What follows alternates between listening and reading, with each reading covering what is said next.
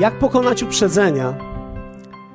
I najpierw mówiliśmy o tym, jak pokonać uprzedzenia wewnątrz, które my mamy względem innych. Tymczasem od dwóch tygodni, tydzień temu zaczęliśmy mówić o tym, jak pokonać uprzedzenia ludzi, którzy mają uprzedzenia do nas. Czy ktoś z Was ma takich ludzi, którzy są uprzedzeni do Ciebie? Czy macie ludzi, którzy gdzieś tam wyrażają swoją dezaprobatę, gdy Was widzą? Czy możecie rozpoznać to w ich oczach, że kiedy się pojawiacie, to nagle. Hmm, zawieszone. Albo patrzą w dół. Albo nie odbierają telefonu. Wiecie, czasami tak jest w życiu. E, I rozpoczęliśmy. Pozwólcie, że zrobię kilka myśli, które o których mówiliśmy tydzień temu. Wierzę w to, że one dadzą nam pewnego rodzaju fundament dzisiaj, nawet jeśli ktoś z Was nie był, będzie mógł wtedy skorzystać. Dlatego, że wierzę w to, że możemy powiedzieć sobie, że nas nie interesuje opinia innych ludzi, nie interesuje nas, że ktoś jest uprzedzony do nas. Ale również zobaczyliśmy, że to nie jest prawdą. Dlatego, że kiedy patrzymy na to, to tak naprawdę, jeśli nas nie interesuje to, co ludzie o nas myślą, i mamy odczucie i mówimy, nie obchodzi nas, my robimy swoje Wiecie, czasami dobrze jest tak powiedzieć, ale tak naprawdę korzeniem tego jest nasza reakcja. Nasza reakcja odrzucenia, która nam mówi: A nie interesuje mnie, co ludzie o mnie myślą, nie interesuje mnie, co myślą o tym, w co ja wierzę, gdzie chodzę, nie interesuje mnie, co myślą o tym, jak żyję. Ale w pewien sposób każdy z nas ma olbrzymią potrzebę bycia zaakceptowanym i bycia zrozumianym. My mamy tą potrzebę, chcemy. Czy to jest możliwe, żeby wszyscy nas zrozumieli i wszyscy nas zaakceptowali? Nie, absolutnie nie. Ale myślę, że kiedy patrzymy na Kościół, szczególnie pierwszy Kościół, kiedy czytamy, to możemy zobaczyć, że w dziejach apostolskich Kościół rozwijał się w nieprawdopodobny sposób. I werset 47 rozdziału drugiego mówi tak, że ten Kościół żył chwaląc Boga, ciesząc się przychylnością całego ludu. Pan zaś codziennie pomnażał liczbę tych, którzy mieli być zbawieni. Zobaczcie, jak jest to niesamowicie połączone, że Kościół cieszył się przychylnością i ludzie byli zbawiani. Można to połączyć i powiedzieć, że od przychylności zależy zbawienie. Bo czym jest tak naprawdę przychylność? Przychylność tak naprawdę to jest otwarcie serca. To jest myślenie pozytywne o kimś. To jest myślenie pozytywne o czymś. Inne tłumaczenia mówią tak. W tym wszystkim oddawali chwałę Bogu i cieszyli się dobrą opinią ze strony innych mieszkańców.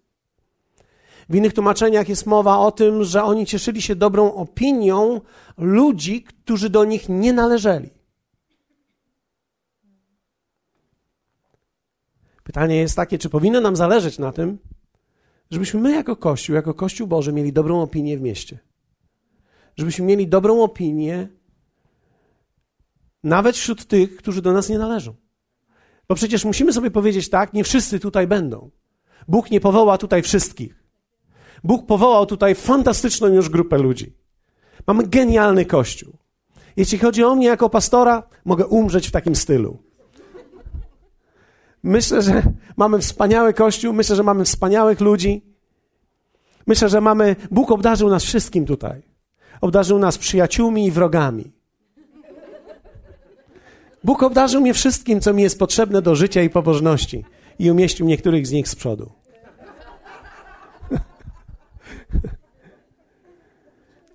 Słowo Boże pokazuje nam zależność pomiędzy wiarą opartą na relacji i wzroście wpływu na ludzi.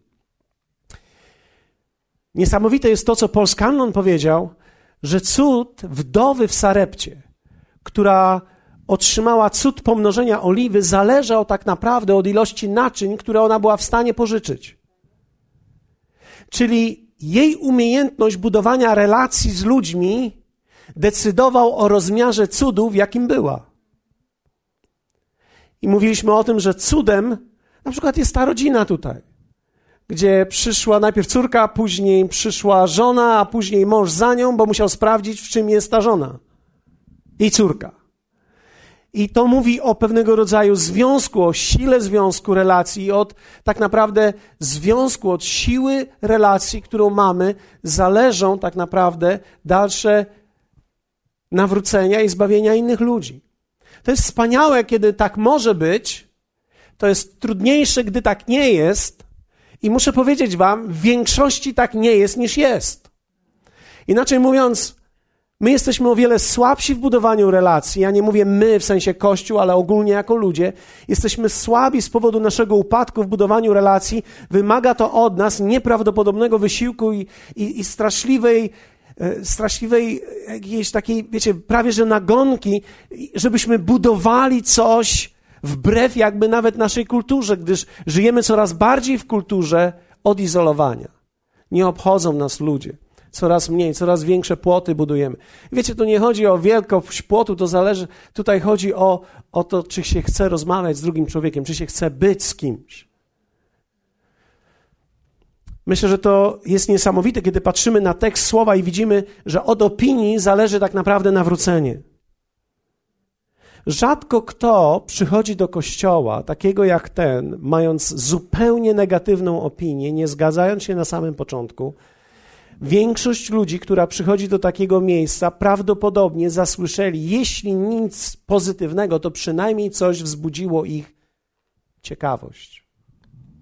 Więc jeśli nie jesteśmy w stanie budować pozytywnej opinii, to przynajmniej powinniśmy budować ciekawość. A nawet budowanie ciekawości jest trudne. Wiecie dlaczego? Dlatego, że ludzie zanim poznają nasze doktryny, poznają nas. Apostoł Paweł w liście do Galacjan powiedział: Wy jesteście moim listem. Inaczej mówiąc, ludzie zanim słuchają mnie i czytają moje listy, najpierw patrzą na was, na wasze życie i wy jesteście największą reklamą tego kościoła. I apostoł Paweł powiedział to do Galacjan, że wy jesteście reklamą kościoła. Tak samo i każdy pastor może powiedzieć: Wy jesteście reklamą tego, co się tutaj dzieje. My wszyscy połączeni razem jesteśmy reklamą, i my w pewien sposób jesteśmy pierwszym dowodem tego, co tutaj jest. Ja myślę, że to jest niesamowite, kiedy patrzymy na to i jaka to jest niesamowita odpowiedzialność, która leży na nas. Kiedy ktoś mówi, tak, woda życia, czy to miejsce, czy to, w czym ja jestem, w czym ja żyję, to jest mój wybór. I nagle ludzie prześwietlają ciebie i patrzą na ciebie. Chrześcijaństwo oparte na relacji, prawdziwej relacji, przyciągnie ludzi do ciebie i pchniecie w stronę ludzi. Myślę, że religijność, szczególnie nawet, wiecie, boję się wszystkich ludzi, którzy krzyczą, że znaleźli prawdę. Dlatego, że często ci ludzie, którzy, przepraszam, mówią, że znaleźli prawdę, tak naprawdę znaleźli jakiś fragment doktryny, na której teraz siedzą, budują warownię na niej i oddzielają się od wszystkich ludzi, i kaleczą i niszczą ludzi, którzy są wokół nich. Wierzę w to, że prawda nigdy nie została nam dana po to, żeby niszczyć ludzi, po to, żeby ludzi krytykować, po to, żeby ludzi zarzucać, że teraz oni źle wierzą. Wierzę w to, że jeśli człowiek ma prawdę, apostoł Paweł pisze o tym, że jeśli człowiek naprawdę coś znalazł, to sam ma z tego korzyść. Inaczej mówiąc, główną siłą prawdy jest Twoje własne życie, a nie oskarżenie względem innych ludzi.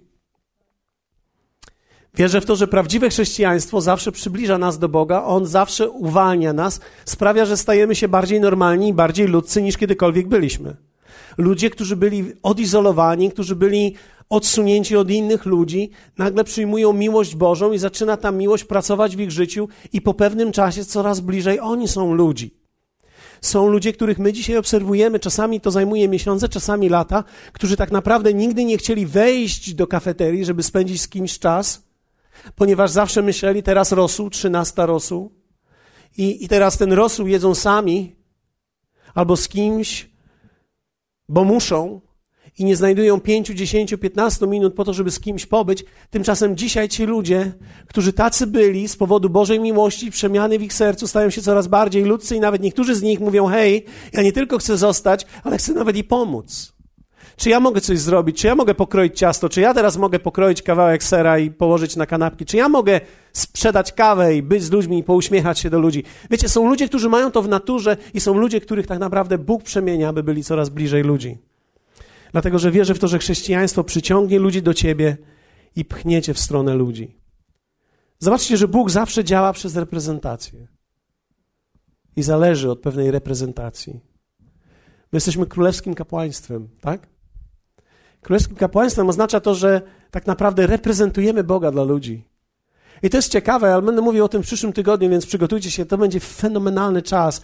Nie wiem, jak to, jak to wyjdzie, ale, ale czuję, że, że, że będzie genialnie. Kiedy dzisiaj słyszałem, jak Bóg do mnie to mówił, to wszystko wstrząsnęło całym moim domem. Bóg działa zawsze przez reprezentację. On, on, on czyni coś. Dziesięcina to reprezentacja wszystkiego. Jezus reprezentował Ciebie i nas wszystkich przed Ojcem. W pewnym sensie możemy powiedzieć, że człowiek, który chce skarbu, musi kupić zawsze całe pole. Więc zawsze jest pewnego rodzaju reprezentacja. W Rzymian 14 powiedzieliśmy już tydzień temu, że Królestwo Boże to nie pokarm i napój, lecz sprawiedliwość i pokój i radość w Duchu Świętym. Bo kto w tym służy Chrystusowi, zobaczcie, miły jest Bogu i przyjemny ludziom. Przyjemny ludziom. Jeszcze raz powiem, przyjemny ludziom. Myślę, że im bardziej Boży jesteś, tym bardziej przyjemny dla ludzi jesteś. Więc nie musisz być zołzą, jeśli nią jesteś. Nie musisz być na, najeżony. Możesz tak zaczynać, bo my zaczynamy w różnych miejscach. Wiecie, to słowo zołza to był cytat kogoś, kto przyszedł do mnie i powiedział: Zawsze byłam zołzą, będę zołzą. Ja mówię: Jeśli przyjdziesz do Jezusa, on cię odzołzi. Aleluja. To wcale nie oznacza, że będziesz przyjemniaczkiem, ale oznacza, że staniesz się bardziej ludzki, będziesz bardziej z ludźmi. Kto z Was chciałby, żeby ktoś się odzołził? Miły jest Bogu i przyjemny ludziom. I mówiliśmy o tym, że tak naprawdę pierwszą rzeczą, którą musimy zrobić, to jest służyć ludziom w duchu łagodności. Powiedzieliśmy o tym, że łagodność jest kluczem do zdobywania ludzi. A więc uwalniamy się od wszelkiej agresji i służymy ludziom w łagodności. Ewangelia dawana w łagodności jest siłą. Nie siadamy nikomu na karku i nie mówimy nawróć się. Nie przekonujemy ludzi siłowo. Ty przyjdziesz do mojego kościoła, ja przyjdę do Twojego kościoła. Ty nie chciałeś przyjść do mojego kościoła, to ja nie przyjdę do Twojego kościoła. Ja myślę, że możemy wzrosnąć ponad to.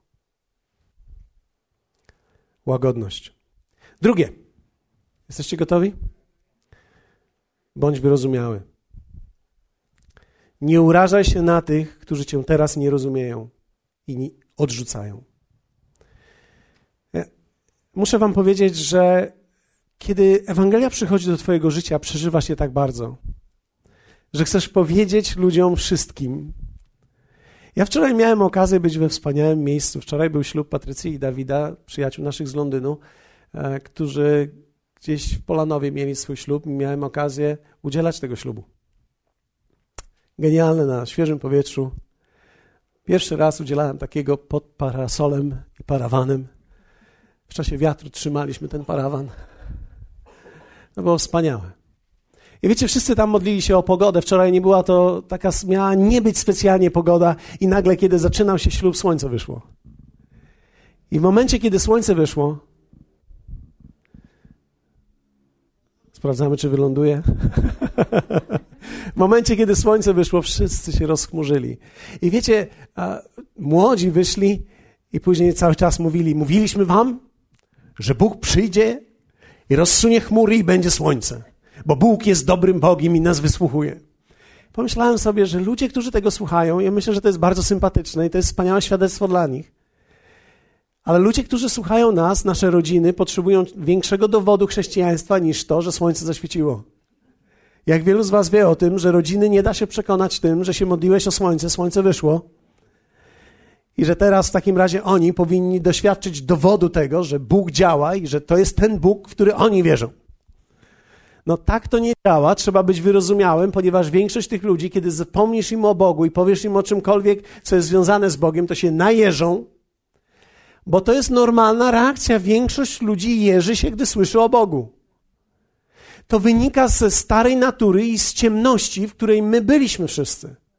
Wiecie, Biblia mówi, że myśmy służyli szatanowi nieświadomie. Mogliśmy być bardzo pobożni nawet, ale w pewnym sensie, dopóki człowiek nie jest odrodzony z Boga, jest buntowniczy względem prawdziwego, żywego Boga. I ten bunt mamy w sobie, mamy bunt, mamy lęk i my go wyrażamy na różne sposoby. W większości jeżymy się, szczególnie jeżymy się i zaczynamy się napinać w momencie, kiedy przybliżamy kogoś do miejsca, momentu decyzji, który ma podjąć.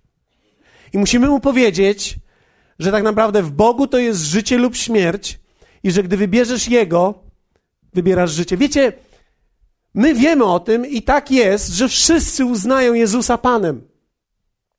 Przyjdzie taki dzień i taki moment, gdzie każde kolano się zegnie i każdy język wyzna, że Jezus jest Panem. Będzie taki dzień. Tylko dla niektórych będzie to dzień, który oni wybrali za życia, a dla niektórych będzie to dzień, który oni nie wybrali i będzie po ich śmierci. I ten jest za późno. Ten za życia jest właściwy. W momencie, kiedy będziesz musiał go uznać Panem, to jest za późno. Bo wtedy nawet diabeł będzie musiał powiedzieć: Jezus jest Panem. I ulegnie. Ale kiedy zrobimy to za życia, wtedy całe niebo i królestwo jest otwarte dla ciebie ponieważ wtedy Ty go wybrałeś. I my wiemy o tym, że kiedy doprowadzamy ludzi do tego momentu, wszystko w nich gra i drży. Boją się tego momentu, nie chcą, boją się. To, co w nich jest, chce trzymać to, co było. I zaczyna się jeżenie, jeżozwierz. Zaczynają odrzucać, nie rozumieją, zaczynają wytykać. Zaczynamy wtedy wchodzić w tematy poboczne. A co z tym? A co z tym? A co z Marią? A co z Józefem? A co ze świętym Antonim? A co ze świętym Franciszkiem? A co ze świętym Stanisławem? I wiecie, możemy tak wymieniać wszystkich świętych. Ale tak naprawdę nie chodzi tutaj o tych wszystkich świętych, bo to nie jest w tym momencie temat, tu chodzi o tego głównego, o Jezusa. Zajmijmy się Nim, nie zajmujmy się teraz Jego rodziną całą, zajmujmy się Nim, bo to On jest ten, który zbawia. Żaden z tych, których wymieniłeś, nie zbawia, tylko jeden jest ten, który zbawia. I w momencie, kiedy koncentrujemy się na nim i na osobie, wszystko drga i jest wszystko najeżone. Więc z powodu lęku zaczynamy opowiadać o różnego rodzaju zastępczych rzeczach. Ludzie odrzucają, ludzie odsuwają się. Moja teściowa krzyczała na mnie, denerwowała się, mówiła, że rozbijam rodzinę, rozbijam całą naszą tradycję i, i tak dalej. Wszystkie te rzeczy, które teściowa może powiedzieć dzięciowi, rozumiesz? I to było też naturalne, dlatego że gdy przychodzi Jezus, przychodzi tak z nowością tego wszystkiego, że ludzie tego nie rozumieją, to jakby burzy ich fundament, bo ludzie lubią mieć wszystko ulepione i teraz nie dotykaj tego, bo tak było, tak jest i tak będzie. I nagle ty wsadzasz jakby kij w mrowisko i mówisz, tak nie jest i jeszcze mało tego, tak nie będzie i ty możesz z tego również wyjść z tego ułożonego piasta i piaskownicy, z tej babeczki możesz wyjść. Jest moja teściowa, później moja mama i tak dalej. To była burza. To była burza. Jeśli ktoś wie, wiecie, Biblia mówi, że lepiej jest spotkać niedźwiedzia w swoim szale niż teściową z Gierczak. Ja coś pomyliłem chyba ale, ale, ale, a, ale tak jest. Ale, ale dzisiaj, wyobraźcie sobie dzisiaj, wyobraźcie sobie dzisiaj. Dzisiaj moja teściowa puka do biura, wchodzi do mnie i mówi tak, kochany zięciu, przyniosłam ci placuszka z jagodami. I dzisiaj rano mówi, zanim będziesz głosił, zjedz sobie kawałeczek tego dobrego placuszka z jagodami. Ja mówię, kochanie, o placku na rodzynkach to się biega przed rydwanem całym, więc mówię, z twoim plackiem to na pewno będę dobrze głosił, dziękuję ci. Więc wiecie, to jest kawałek drogi z takiej niedźwiedzicy rozwścieczonej, dojść do miejsca takiej potulnej barankini, która, która serwuje ci placek z jagodami, to jest bardzo duża droga, to jest kawał drogi, ale to są lata cierpliwości i pokory z mojej strony. Nie, tak nie jest. Ale wiecie, to jest Boża praca i Boże dzieło. Nikt Wiecie, diabeł żadnego człowieka nie puszcza od razu i o każdego człowieka jest walka. O jednego jest krótsza, o drugiego jest dłuższa, ale o każdego jest walka. I my nie możemy się urażać w momencie, kiedy jest ta walka. Moja kuzynka, pamiętam jaka była walka o nią. Bóg musiał przysłać nawet podstarzałego murzyna, żeby ją złapał za szyję i powiedział: Dziewczyno, co ty robisz? Po angielsku jeszcze, bo po polsku nie chciała słuchać Ewangelii. Bóg walczył o nią, walczył o nią jeden miesiąc, drugi miesiąc, kilka miesięcy walki. Przychodziła, siadała gdzieś z tyłu. Wybaczcie ci, którzy jesteście z tyłu, ja nie mówię, że teraz jest walka, ale, ale wiecie, tak było rzeczywiście. Gdzieś tam ta walka była, toczyła się, trwała i ona w końcu pękła i w końcu coś się stało i poddała swoje życie Jezusowi. I to jest piękny moment, ale musimy być wyrozumiali, kiedy tak nie jest. Od razu. Bo tak nie będzie od razu. Ewangelia to jest życie. I wiecie, nie da się pójść za Jezusem pod presją piekła czy też śmierci. Bo to jest jakby wejść do królestwa tyłem. Czyli ja się boję tego, uciekam przed tym i wpadam do królestwa. Ach, zamknąłem furtkę. Oh. Uciekłem. Lew mnie już nie zje. No, dobrze. Widzisz, jeśli tak wpadłeś do królestwa, bo się bałeś tam, wpadłeś tak, to i tak będziesz się musiał na nowo sformatować. Bo ty wpadłeś tutaj troszeczkę tak, jakby uciekając przed tym. Ale Biblia mówi, że tak naprawdę prawdziwe nawrócenie jest w sercu z powodu dobroci Bożej, więc ty będziesz musiał i tak się odwrócić do Niego, poznać Jego, poznać Jego dobrość i wtedy chwycić się Jego. Bo nie można całe życie być z Bogiem, dlatego że boję się piekła. Człowiek jest z Bogiem, ponieważ Bóg jest dobry. I to dobroć Boża do upamiętania prowadzi. A więc bądź wyrozumiały. Powiedz swojemu sąsiadowi, trochę wyrozumiałości. No troszeczkę luzu nabierz na mnie. Bądź troszeczkę luźniejszy. O właśnie, wy dziewczyny, wy powinniście dużo tak sobie mówić. Trochę wyrozumiałości. Trochę luzu w swoją stronę. Nawet w, moich, w naszych własnych rodzinach, mąż czy żona, wiecie, w tych relacjach jest często najtrudniej. W tych Im bliżej jesteś kogoś w ciele, tym trudniej jest być w duchu. Im bliżej, wiecie, im bliżej jesteśmy, tym dalej jest i tym trudniej jest.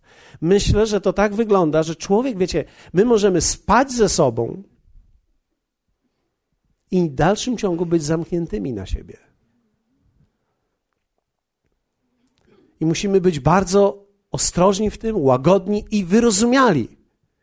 I to jest wspaniałe, kiedy ktoś chce być tutaj. Mamy kilka takich przypadków, kiedy ktoś przychodzi, może nawet nie tyle się nie zgadza, ile myśli sobie, może to nie jest dla mnie, ale dla tej mojej kobiety jej się to podoba, albo dla mojego chłopa, no jej, ja tu przyjdę, no czemu nie? Wiecie, ja szanuję każdy taki ruch, ponieważ myślę sobie, że no nic gorszego już cię trafić nie może. Skoro już tu siedzisz, to sobie posiedź chwilę, analizuj to wszystko i Bóg pracuje nad tobą, bo nie chodzi o to, żebym ja zwyciężył. Chodzi o to, żeby Bóg zwyciężył w twoim życiu. Pamiętam któregoś dnia ktoś podszedł do mnie i powiedział z mężczyzn, powiedział tak, wiesz, ty musisz to rozumieć. Ja myślę sobie, bardzo chętnie posłucham, co muszę zrozumieć. Ty musisz to rozumieć, że jak ty do nas tutaj mówisz, to my siedzimy i wiesz, ty jesteś mądry, a my nie.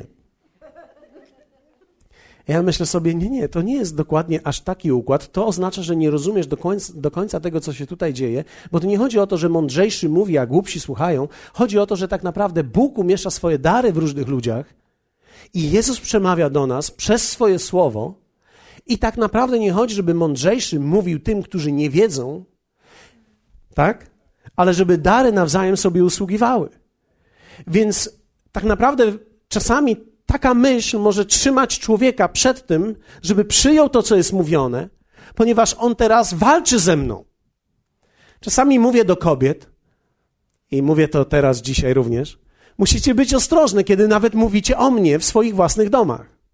Bo jeśli będziesz podawała mnie za przykład, typu, no a nasz pastor to taki jest, wiesz. Zobacz, on kupił swojej żonie na przykład buciczka, i on ją wziął tam i, i on zawsze o niej dobrze mówi, przeważnie o niej dobrze mówi, e, nie zawsze o niej dobrze mówi, czasami źle o niej mówi, e, ale wiecie, czasami może, może nam się wydawać, e, wiecie, że my służymy sobie, jak podajemy kogoś za przykład, ale nawet kiedy podajesz kogoś za przykład, to musisz być bardzo ostrożny. Dlatego, że natura faceta jest taka, że jak ja będę jego przykład, przykładem dla niego, to on teraz będzie ze mną rywalizował. Ponieważ on nagle kalkuluje to tak, że ja zdobywam twoją duszę, a on nie bardzo. Więc musimy uważać na te rzeczy, bo to również jest bardzo istotne. Facet ma swoją ambicję. Więc musisz go, jeśli masz powiedzieć coś o mnie pozytywnego, najpierw upewnij się, że dwa razy coś jemu powiedziałaś. Pozytywnego, że jest wspaniały, że jest cudowny, o, że jest w ogóle genialny. I że pastor jeszcze coś takiego powiedział. I wtedy on będzie taki oniemiały tym, co usłyszał o sobie i tak powie, a co on tam powiedział. Wtedy będzie mu łatwiej przyjąć to. Jesteście ze mną? Czy to jest w porządku, że uczą takie proste rzeczy? Ale wiecie, czasami, wiecie, skomplikowane nie działają. Więc kiedy ty mówisz, a pastor to tak, ja widziałeś jak tego, a to jest, zobacz jak to i tamto jeszcze, i zobacz, i on jeszcze normalnie schudł, zobacz. Schudł i przytył, ja już ze trzy tony schudłem w życiu. Ale trzeba być bardzo ostrożnym. Dlatego, że czasami kobiety nierozsądne są w swoich własnych domach. Niszczą swój własny dom, nie wiedząc, że teraz w momencie, kiedy ty tworzysz jakiegoś idola, facet tego nie może znieść i będzie coraz bardziej przeciwny. Musisz wiedzieć, że są tylko, e, są tylko dwóch, których możesz wielbić. Jezus Chrystus na pierwszym miejscu. Powiedzmy razem Jezus. I twój mąż na drugim. Aleluja. No dobrze. Jakoś się cicho zrobiło i tak się niekomfortowo zrobiło tutaj. Tak nagle wszyscy myślą, co, o co chodzi tutaj. Wiecie, ja się nie dyskredytuję tutaj, bo tu nie chodzi o mnie tak naprawdę. Tu chodzi o Jezusa, który w nas działa i przez... Tak samo Artur. Artur, wiadomo, przystojny mężczyzna i tak dalej. Jak teraz będziesz uwielbiać Artura przed swoim mężem, no to Artur będzie problemem tego męża. Więc jeśli chcesz zdobywać ludzi, to dla Jezusa, szczególnie swoich bliskich, to trzeba robić to we właściwy sposób, mądry i być wyrozumiałym. Trzecie, rośnie w swoich własnych przekonaniach i doświadczeniu Boga. Wiecie, przekonani ludzie przekonują. Trzeba wydawać przekonywujący owoc. Chrześcijaństwo to nie moda, ale treść życia. Dlatego to, co w chrześcijaństwie jest genialne, jeśli jest, to jest pasja. Pasja będzie zaraźliwa, doktryna nie. Pasja jest zaraźliwa. Pasja, która jest radością, która się manifestuje, jest zaraźliwa, nie doktryna. Wiecie, do doktryny człowiek dojrzewa. Ale ludzi zdobywa się pasją. Ludzie przekonują pasją życia, a nie doktryną. Dzielimy się życiem i tym, co On dla nas uczynił rosnąc w relacji z Nim. Wiecie, bycie z Bogiem zmienia. Doświadczenie Boga zmienia ciebie. I kiedy nabędziesz się z Bogiem w relacji z Nim, będziesz przekonywać lepiej. Bo my przekonywujemy ludzi relacją. Gdy ktoś przychodzi do mnie, a zdarza się co jakiś czas, co jakiś czas są różni, wiecie, teologowie i ludzie. Ostatnio, wczoraj nawet ktoś podszedł do mnie i powiedział: Ja jestem z Londynu i, i ja jestem mesjańskim Żydem i mam do ciebie, bracie, kilka pytań. Czy pozwolisz, że ci zadam? Ja jestem zawsze otwarty, wiecie. E, rzeczywistość jednak jest taka: ja nie mam do zaoferowania wiedzy. Ja wiem, czego doświadczyłem. Wiem, co Bóg czyni i wiem, czego można doświadczyć w Bogu. I doświadczenie w Bogu, hej, i doświadczenie w Bogu jest tak naprawdę największą rzeczywistością tego, co mamy. Wiem, co dostałem, wiem, czego nie mam. Nie wszystko wiem. Ty sobie możesz powiedzieć, nie wszystko wiem. Kto z Was wie wszystko? Z parę rąk w górze. Żony, ściągnijcie ich te ręce. Powiedzmy razem, nie wiem wszystkiego. Nie wiem wszystkiego, jeśli chodzi o Biblię, nie wiem wszystkiego, jeśli chodzi o Boga, nie znam jeszcze całej historii, nie wiem, dlaczego Kościół się do końca pokłócił między jednym a drugim. Nie wiem, nie znam, nie rozumiem, wiem jednak, w czym jestem. I to jest klucz Twojego życia. Wiem, w czym jestem, wiem, czym żyję.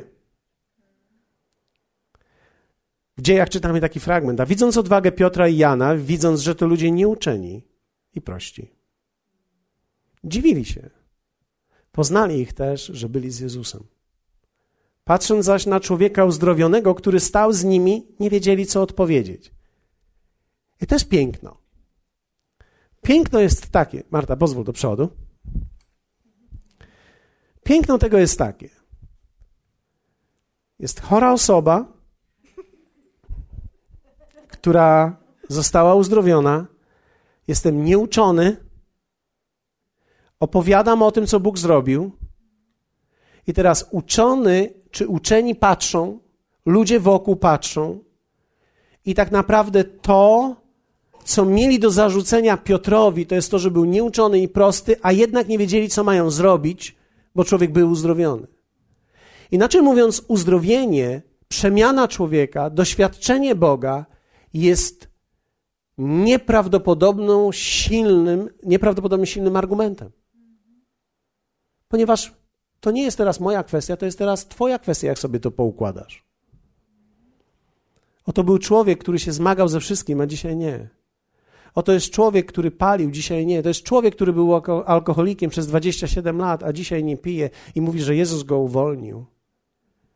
Ty musisz teraz sobie z tym poradzić. Nie zna on całej teologii, ja nie znam całej teologii, ale takie są fakty. Był umarły, teraz żyje. Był chory, teraz jest zdrowy. Był zniewolony, teraz jest uwolniony. Była zołzą, teraz jest przyjemna ludziom. Jesteście ze mną? Jezus powiedział: Badacie pisma, bo sądzicie, że macie w nich żywot wieczny, a one składają świadectwo o mnie. Jezus mówi: Życie nie jest w tekście, życie jest w osobie. Jezus nigdy nie powiedział, że ma prawdę. Ja mam prawdę, ale wam nie powiem. On powiedział: Ja jestem prawdą. Wiecie, ostatnio zastanawiałem się, co to oznacza również. I to słowo prawda nie oznacza tylko posiadam prawdę doktrynalną, ale on mówił o sobie: Ja jestem prawdziwy. I ja myślę, że to jest bardzo silne. Myślę, że to jest powołanie każdego wierzącego. Ty nie musisz wiedzieć wszystkiego od razu, ale musisz być prawdziwy. Prawdziwi ludzie przekonują o wiele bardziej niż nawet ci, którzy wszystko wiedzą. Musisz być prawdziwy. Prawdziwy. Prawdziwy, nie kombinuj, teraz już jestem święty, byłem nieświęty, teraz jestem święty. Nie, nie radzę sobie w dalszym ciągu z paroma rzeczami, ale z niektórymi sobie już poradziłem, a co najważniejsze, Bóg uwolnił mnie i dał mi nowe życie. Bądź prawdziwy, bądź sobą w tym wszystkim. I bonus mamy czwarty. Bo dzisiaj nie ma pogody.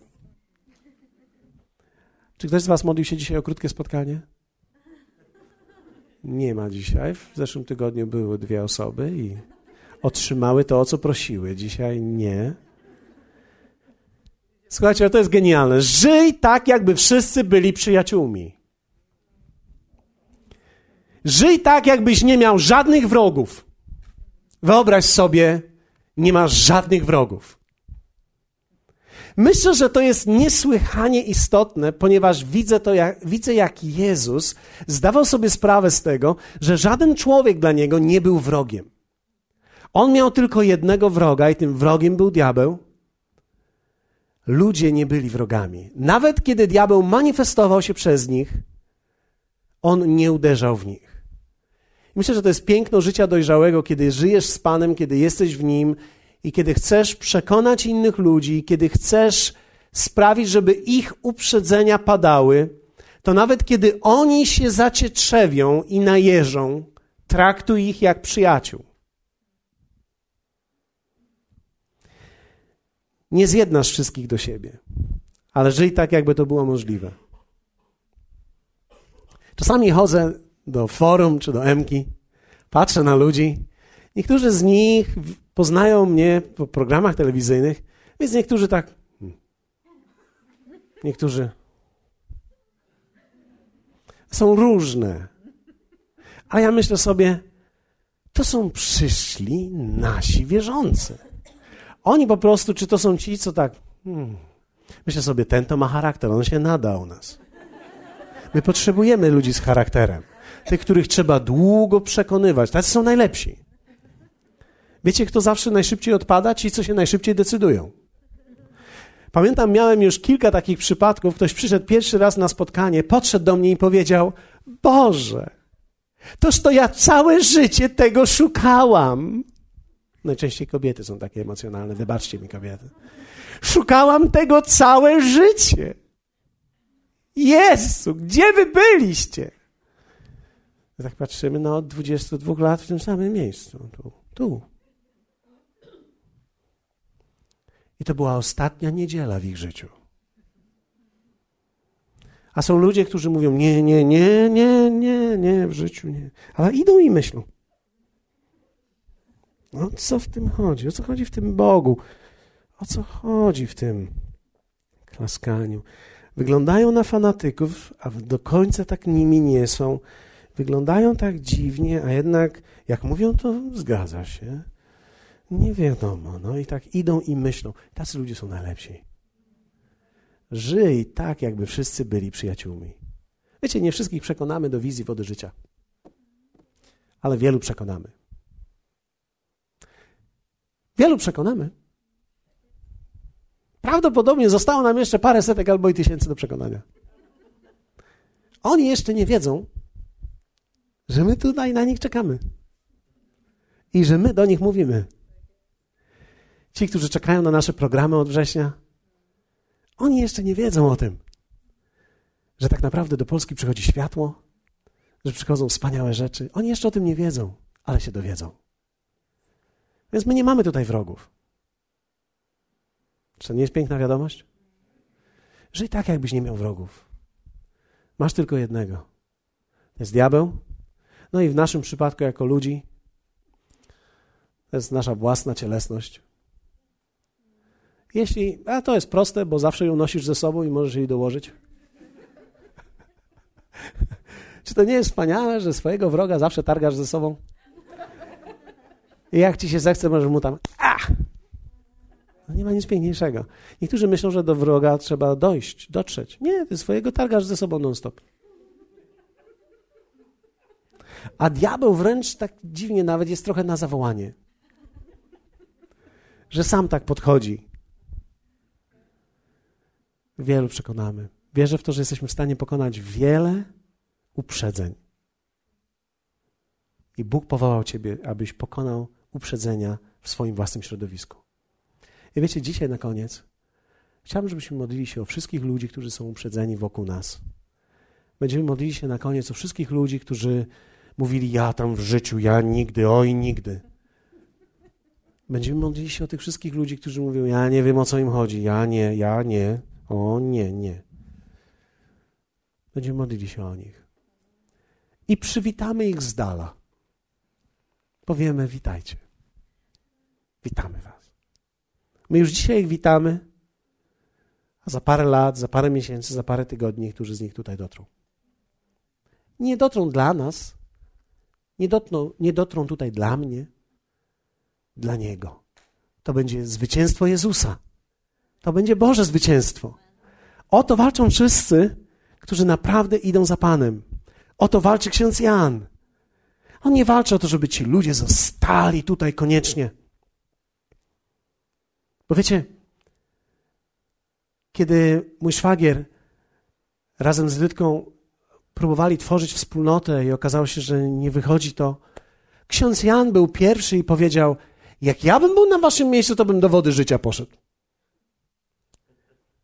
Trzeba być wielkim, pozbawionym w sobie granic, żeby zasugerować komuś, nawet inny kościół, dla jego dobra. Genialne. Genialne. I dzisiaj mogą żyć, mogą słyszeć słowo, cała rodzina może być tutaj, my możemy być razem, możemy wspólnie razem się docierać. Bo to wiecie, jak się już jesteśmy razem, to już jest podróż. Iskrzy. Ale Bóg powołuje zawsze właściwych ludzi wokół nas. Kto z Was ma takich ludzi, o których chciałby się modlić? Którzy nie chcą, są przeciwni. Nawet o tych, którzy są obojętni. Będziemy modlili się, żeby ta obojętność się skończyła. żeby ta faza obojętności w ich życiu się skończyła. Kto z Was ma takich ludzi? Zostańmy za tym, będziemy wierzyli o nich dzisiaj. Wierzę w to, że to jest taki czas, kiedy możemy powiedzieć: Panie, my chcemy ich widzieć zbawionymi. Chcemy ich widzieć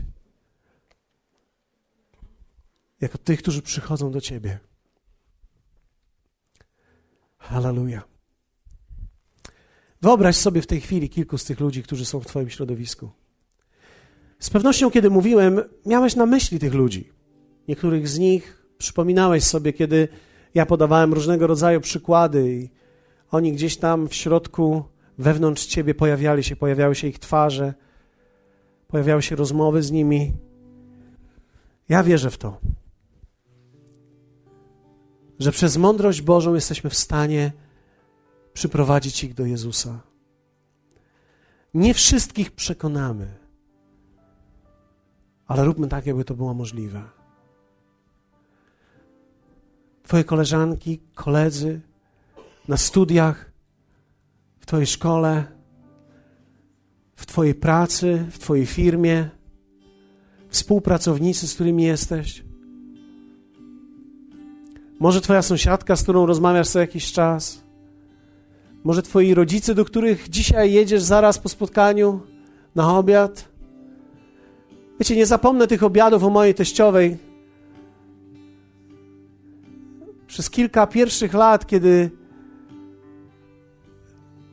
Lutek jeszcze żył i kiedy jeszcze nie był częścią tutaj tego miejsca, pierwsze kilka lat, myślę, to było osiem, osiem lat przyjeżdżaliśmy praktycznie prawie każdej niedzieli.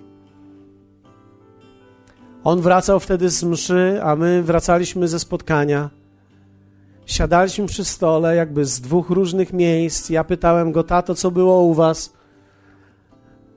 On miał różne dni, czasami odpowiadał, czasami nie. Dziewięć lat, osiem lat trwało to. A wiecie, wydawałoby się, że to powinno być szybciej, bo to jest tak blisko. I nie było to szybko.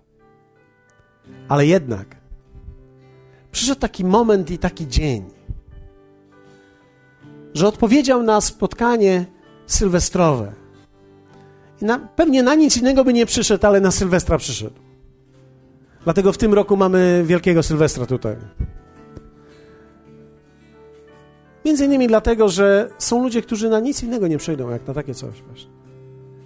I on przyszedł, zobaczył tych ludzi, zobaczył tą rodzinę, zobaczył tą atmosferę i powiedział sobie: To jest mój dom, to jest moje miejsce.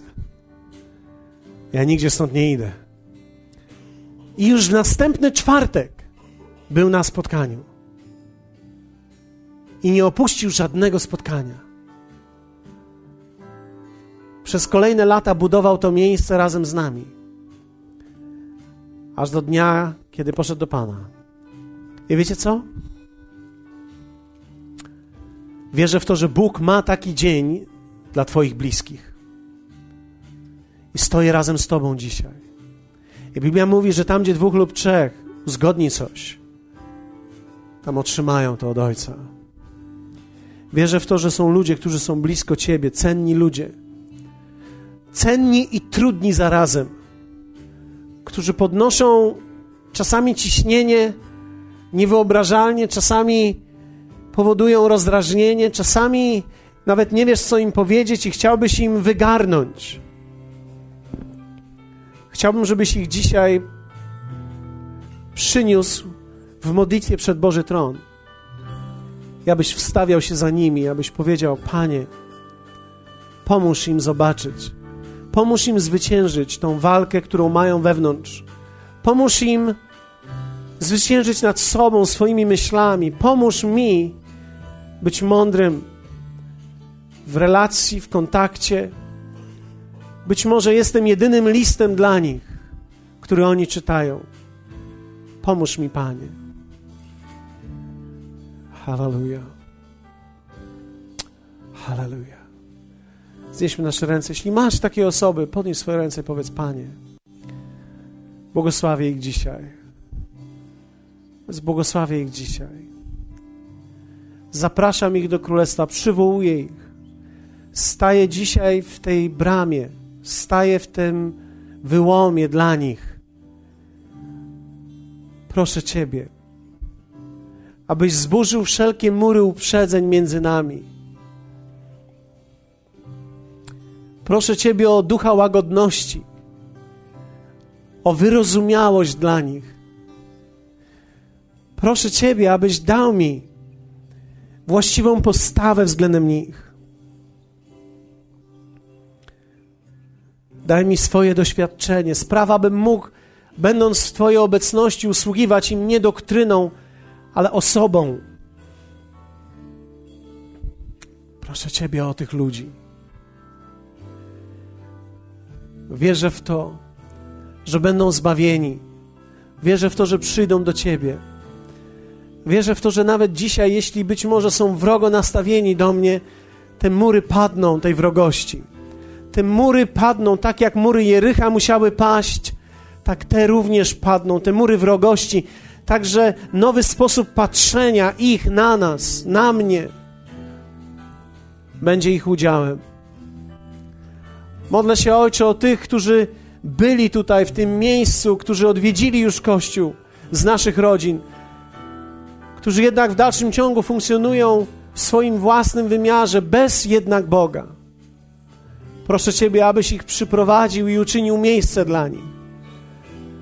Modlę się, Ojcze, o tych ludzi, którzy być może będą częścią innych miejsc, innego kościoła, innych wspólnot. Panie, my nie pracujemy dla denominacji, my nie zaludniamy żadnej formacji, my zaludniamy niebo. Hallelujah. Więc modlimy się o nich, nawet jeśli oni nigdy nie będą częścią wody życia.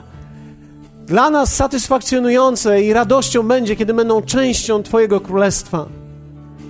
I to będzie zwycięstwo dla nich i zwycięstwo też dla nas.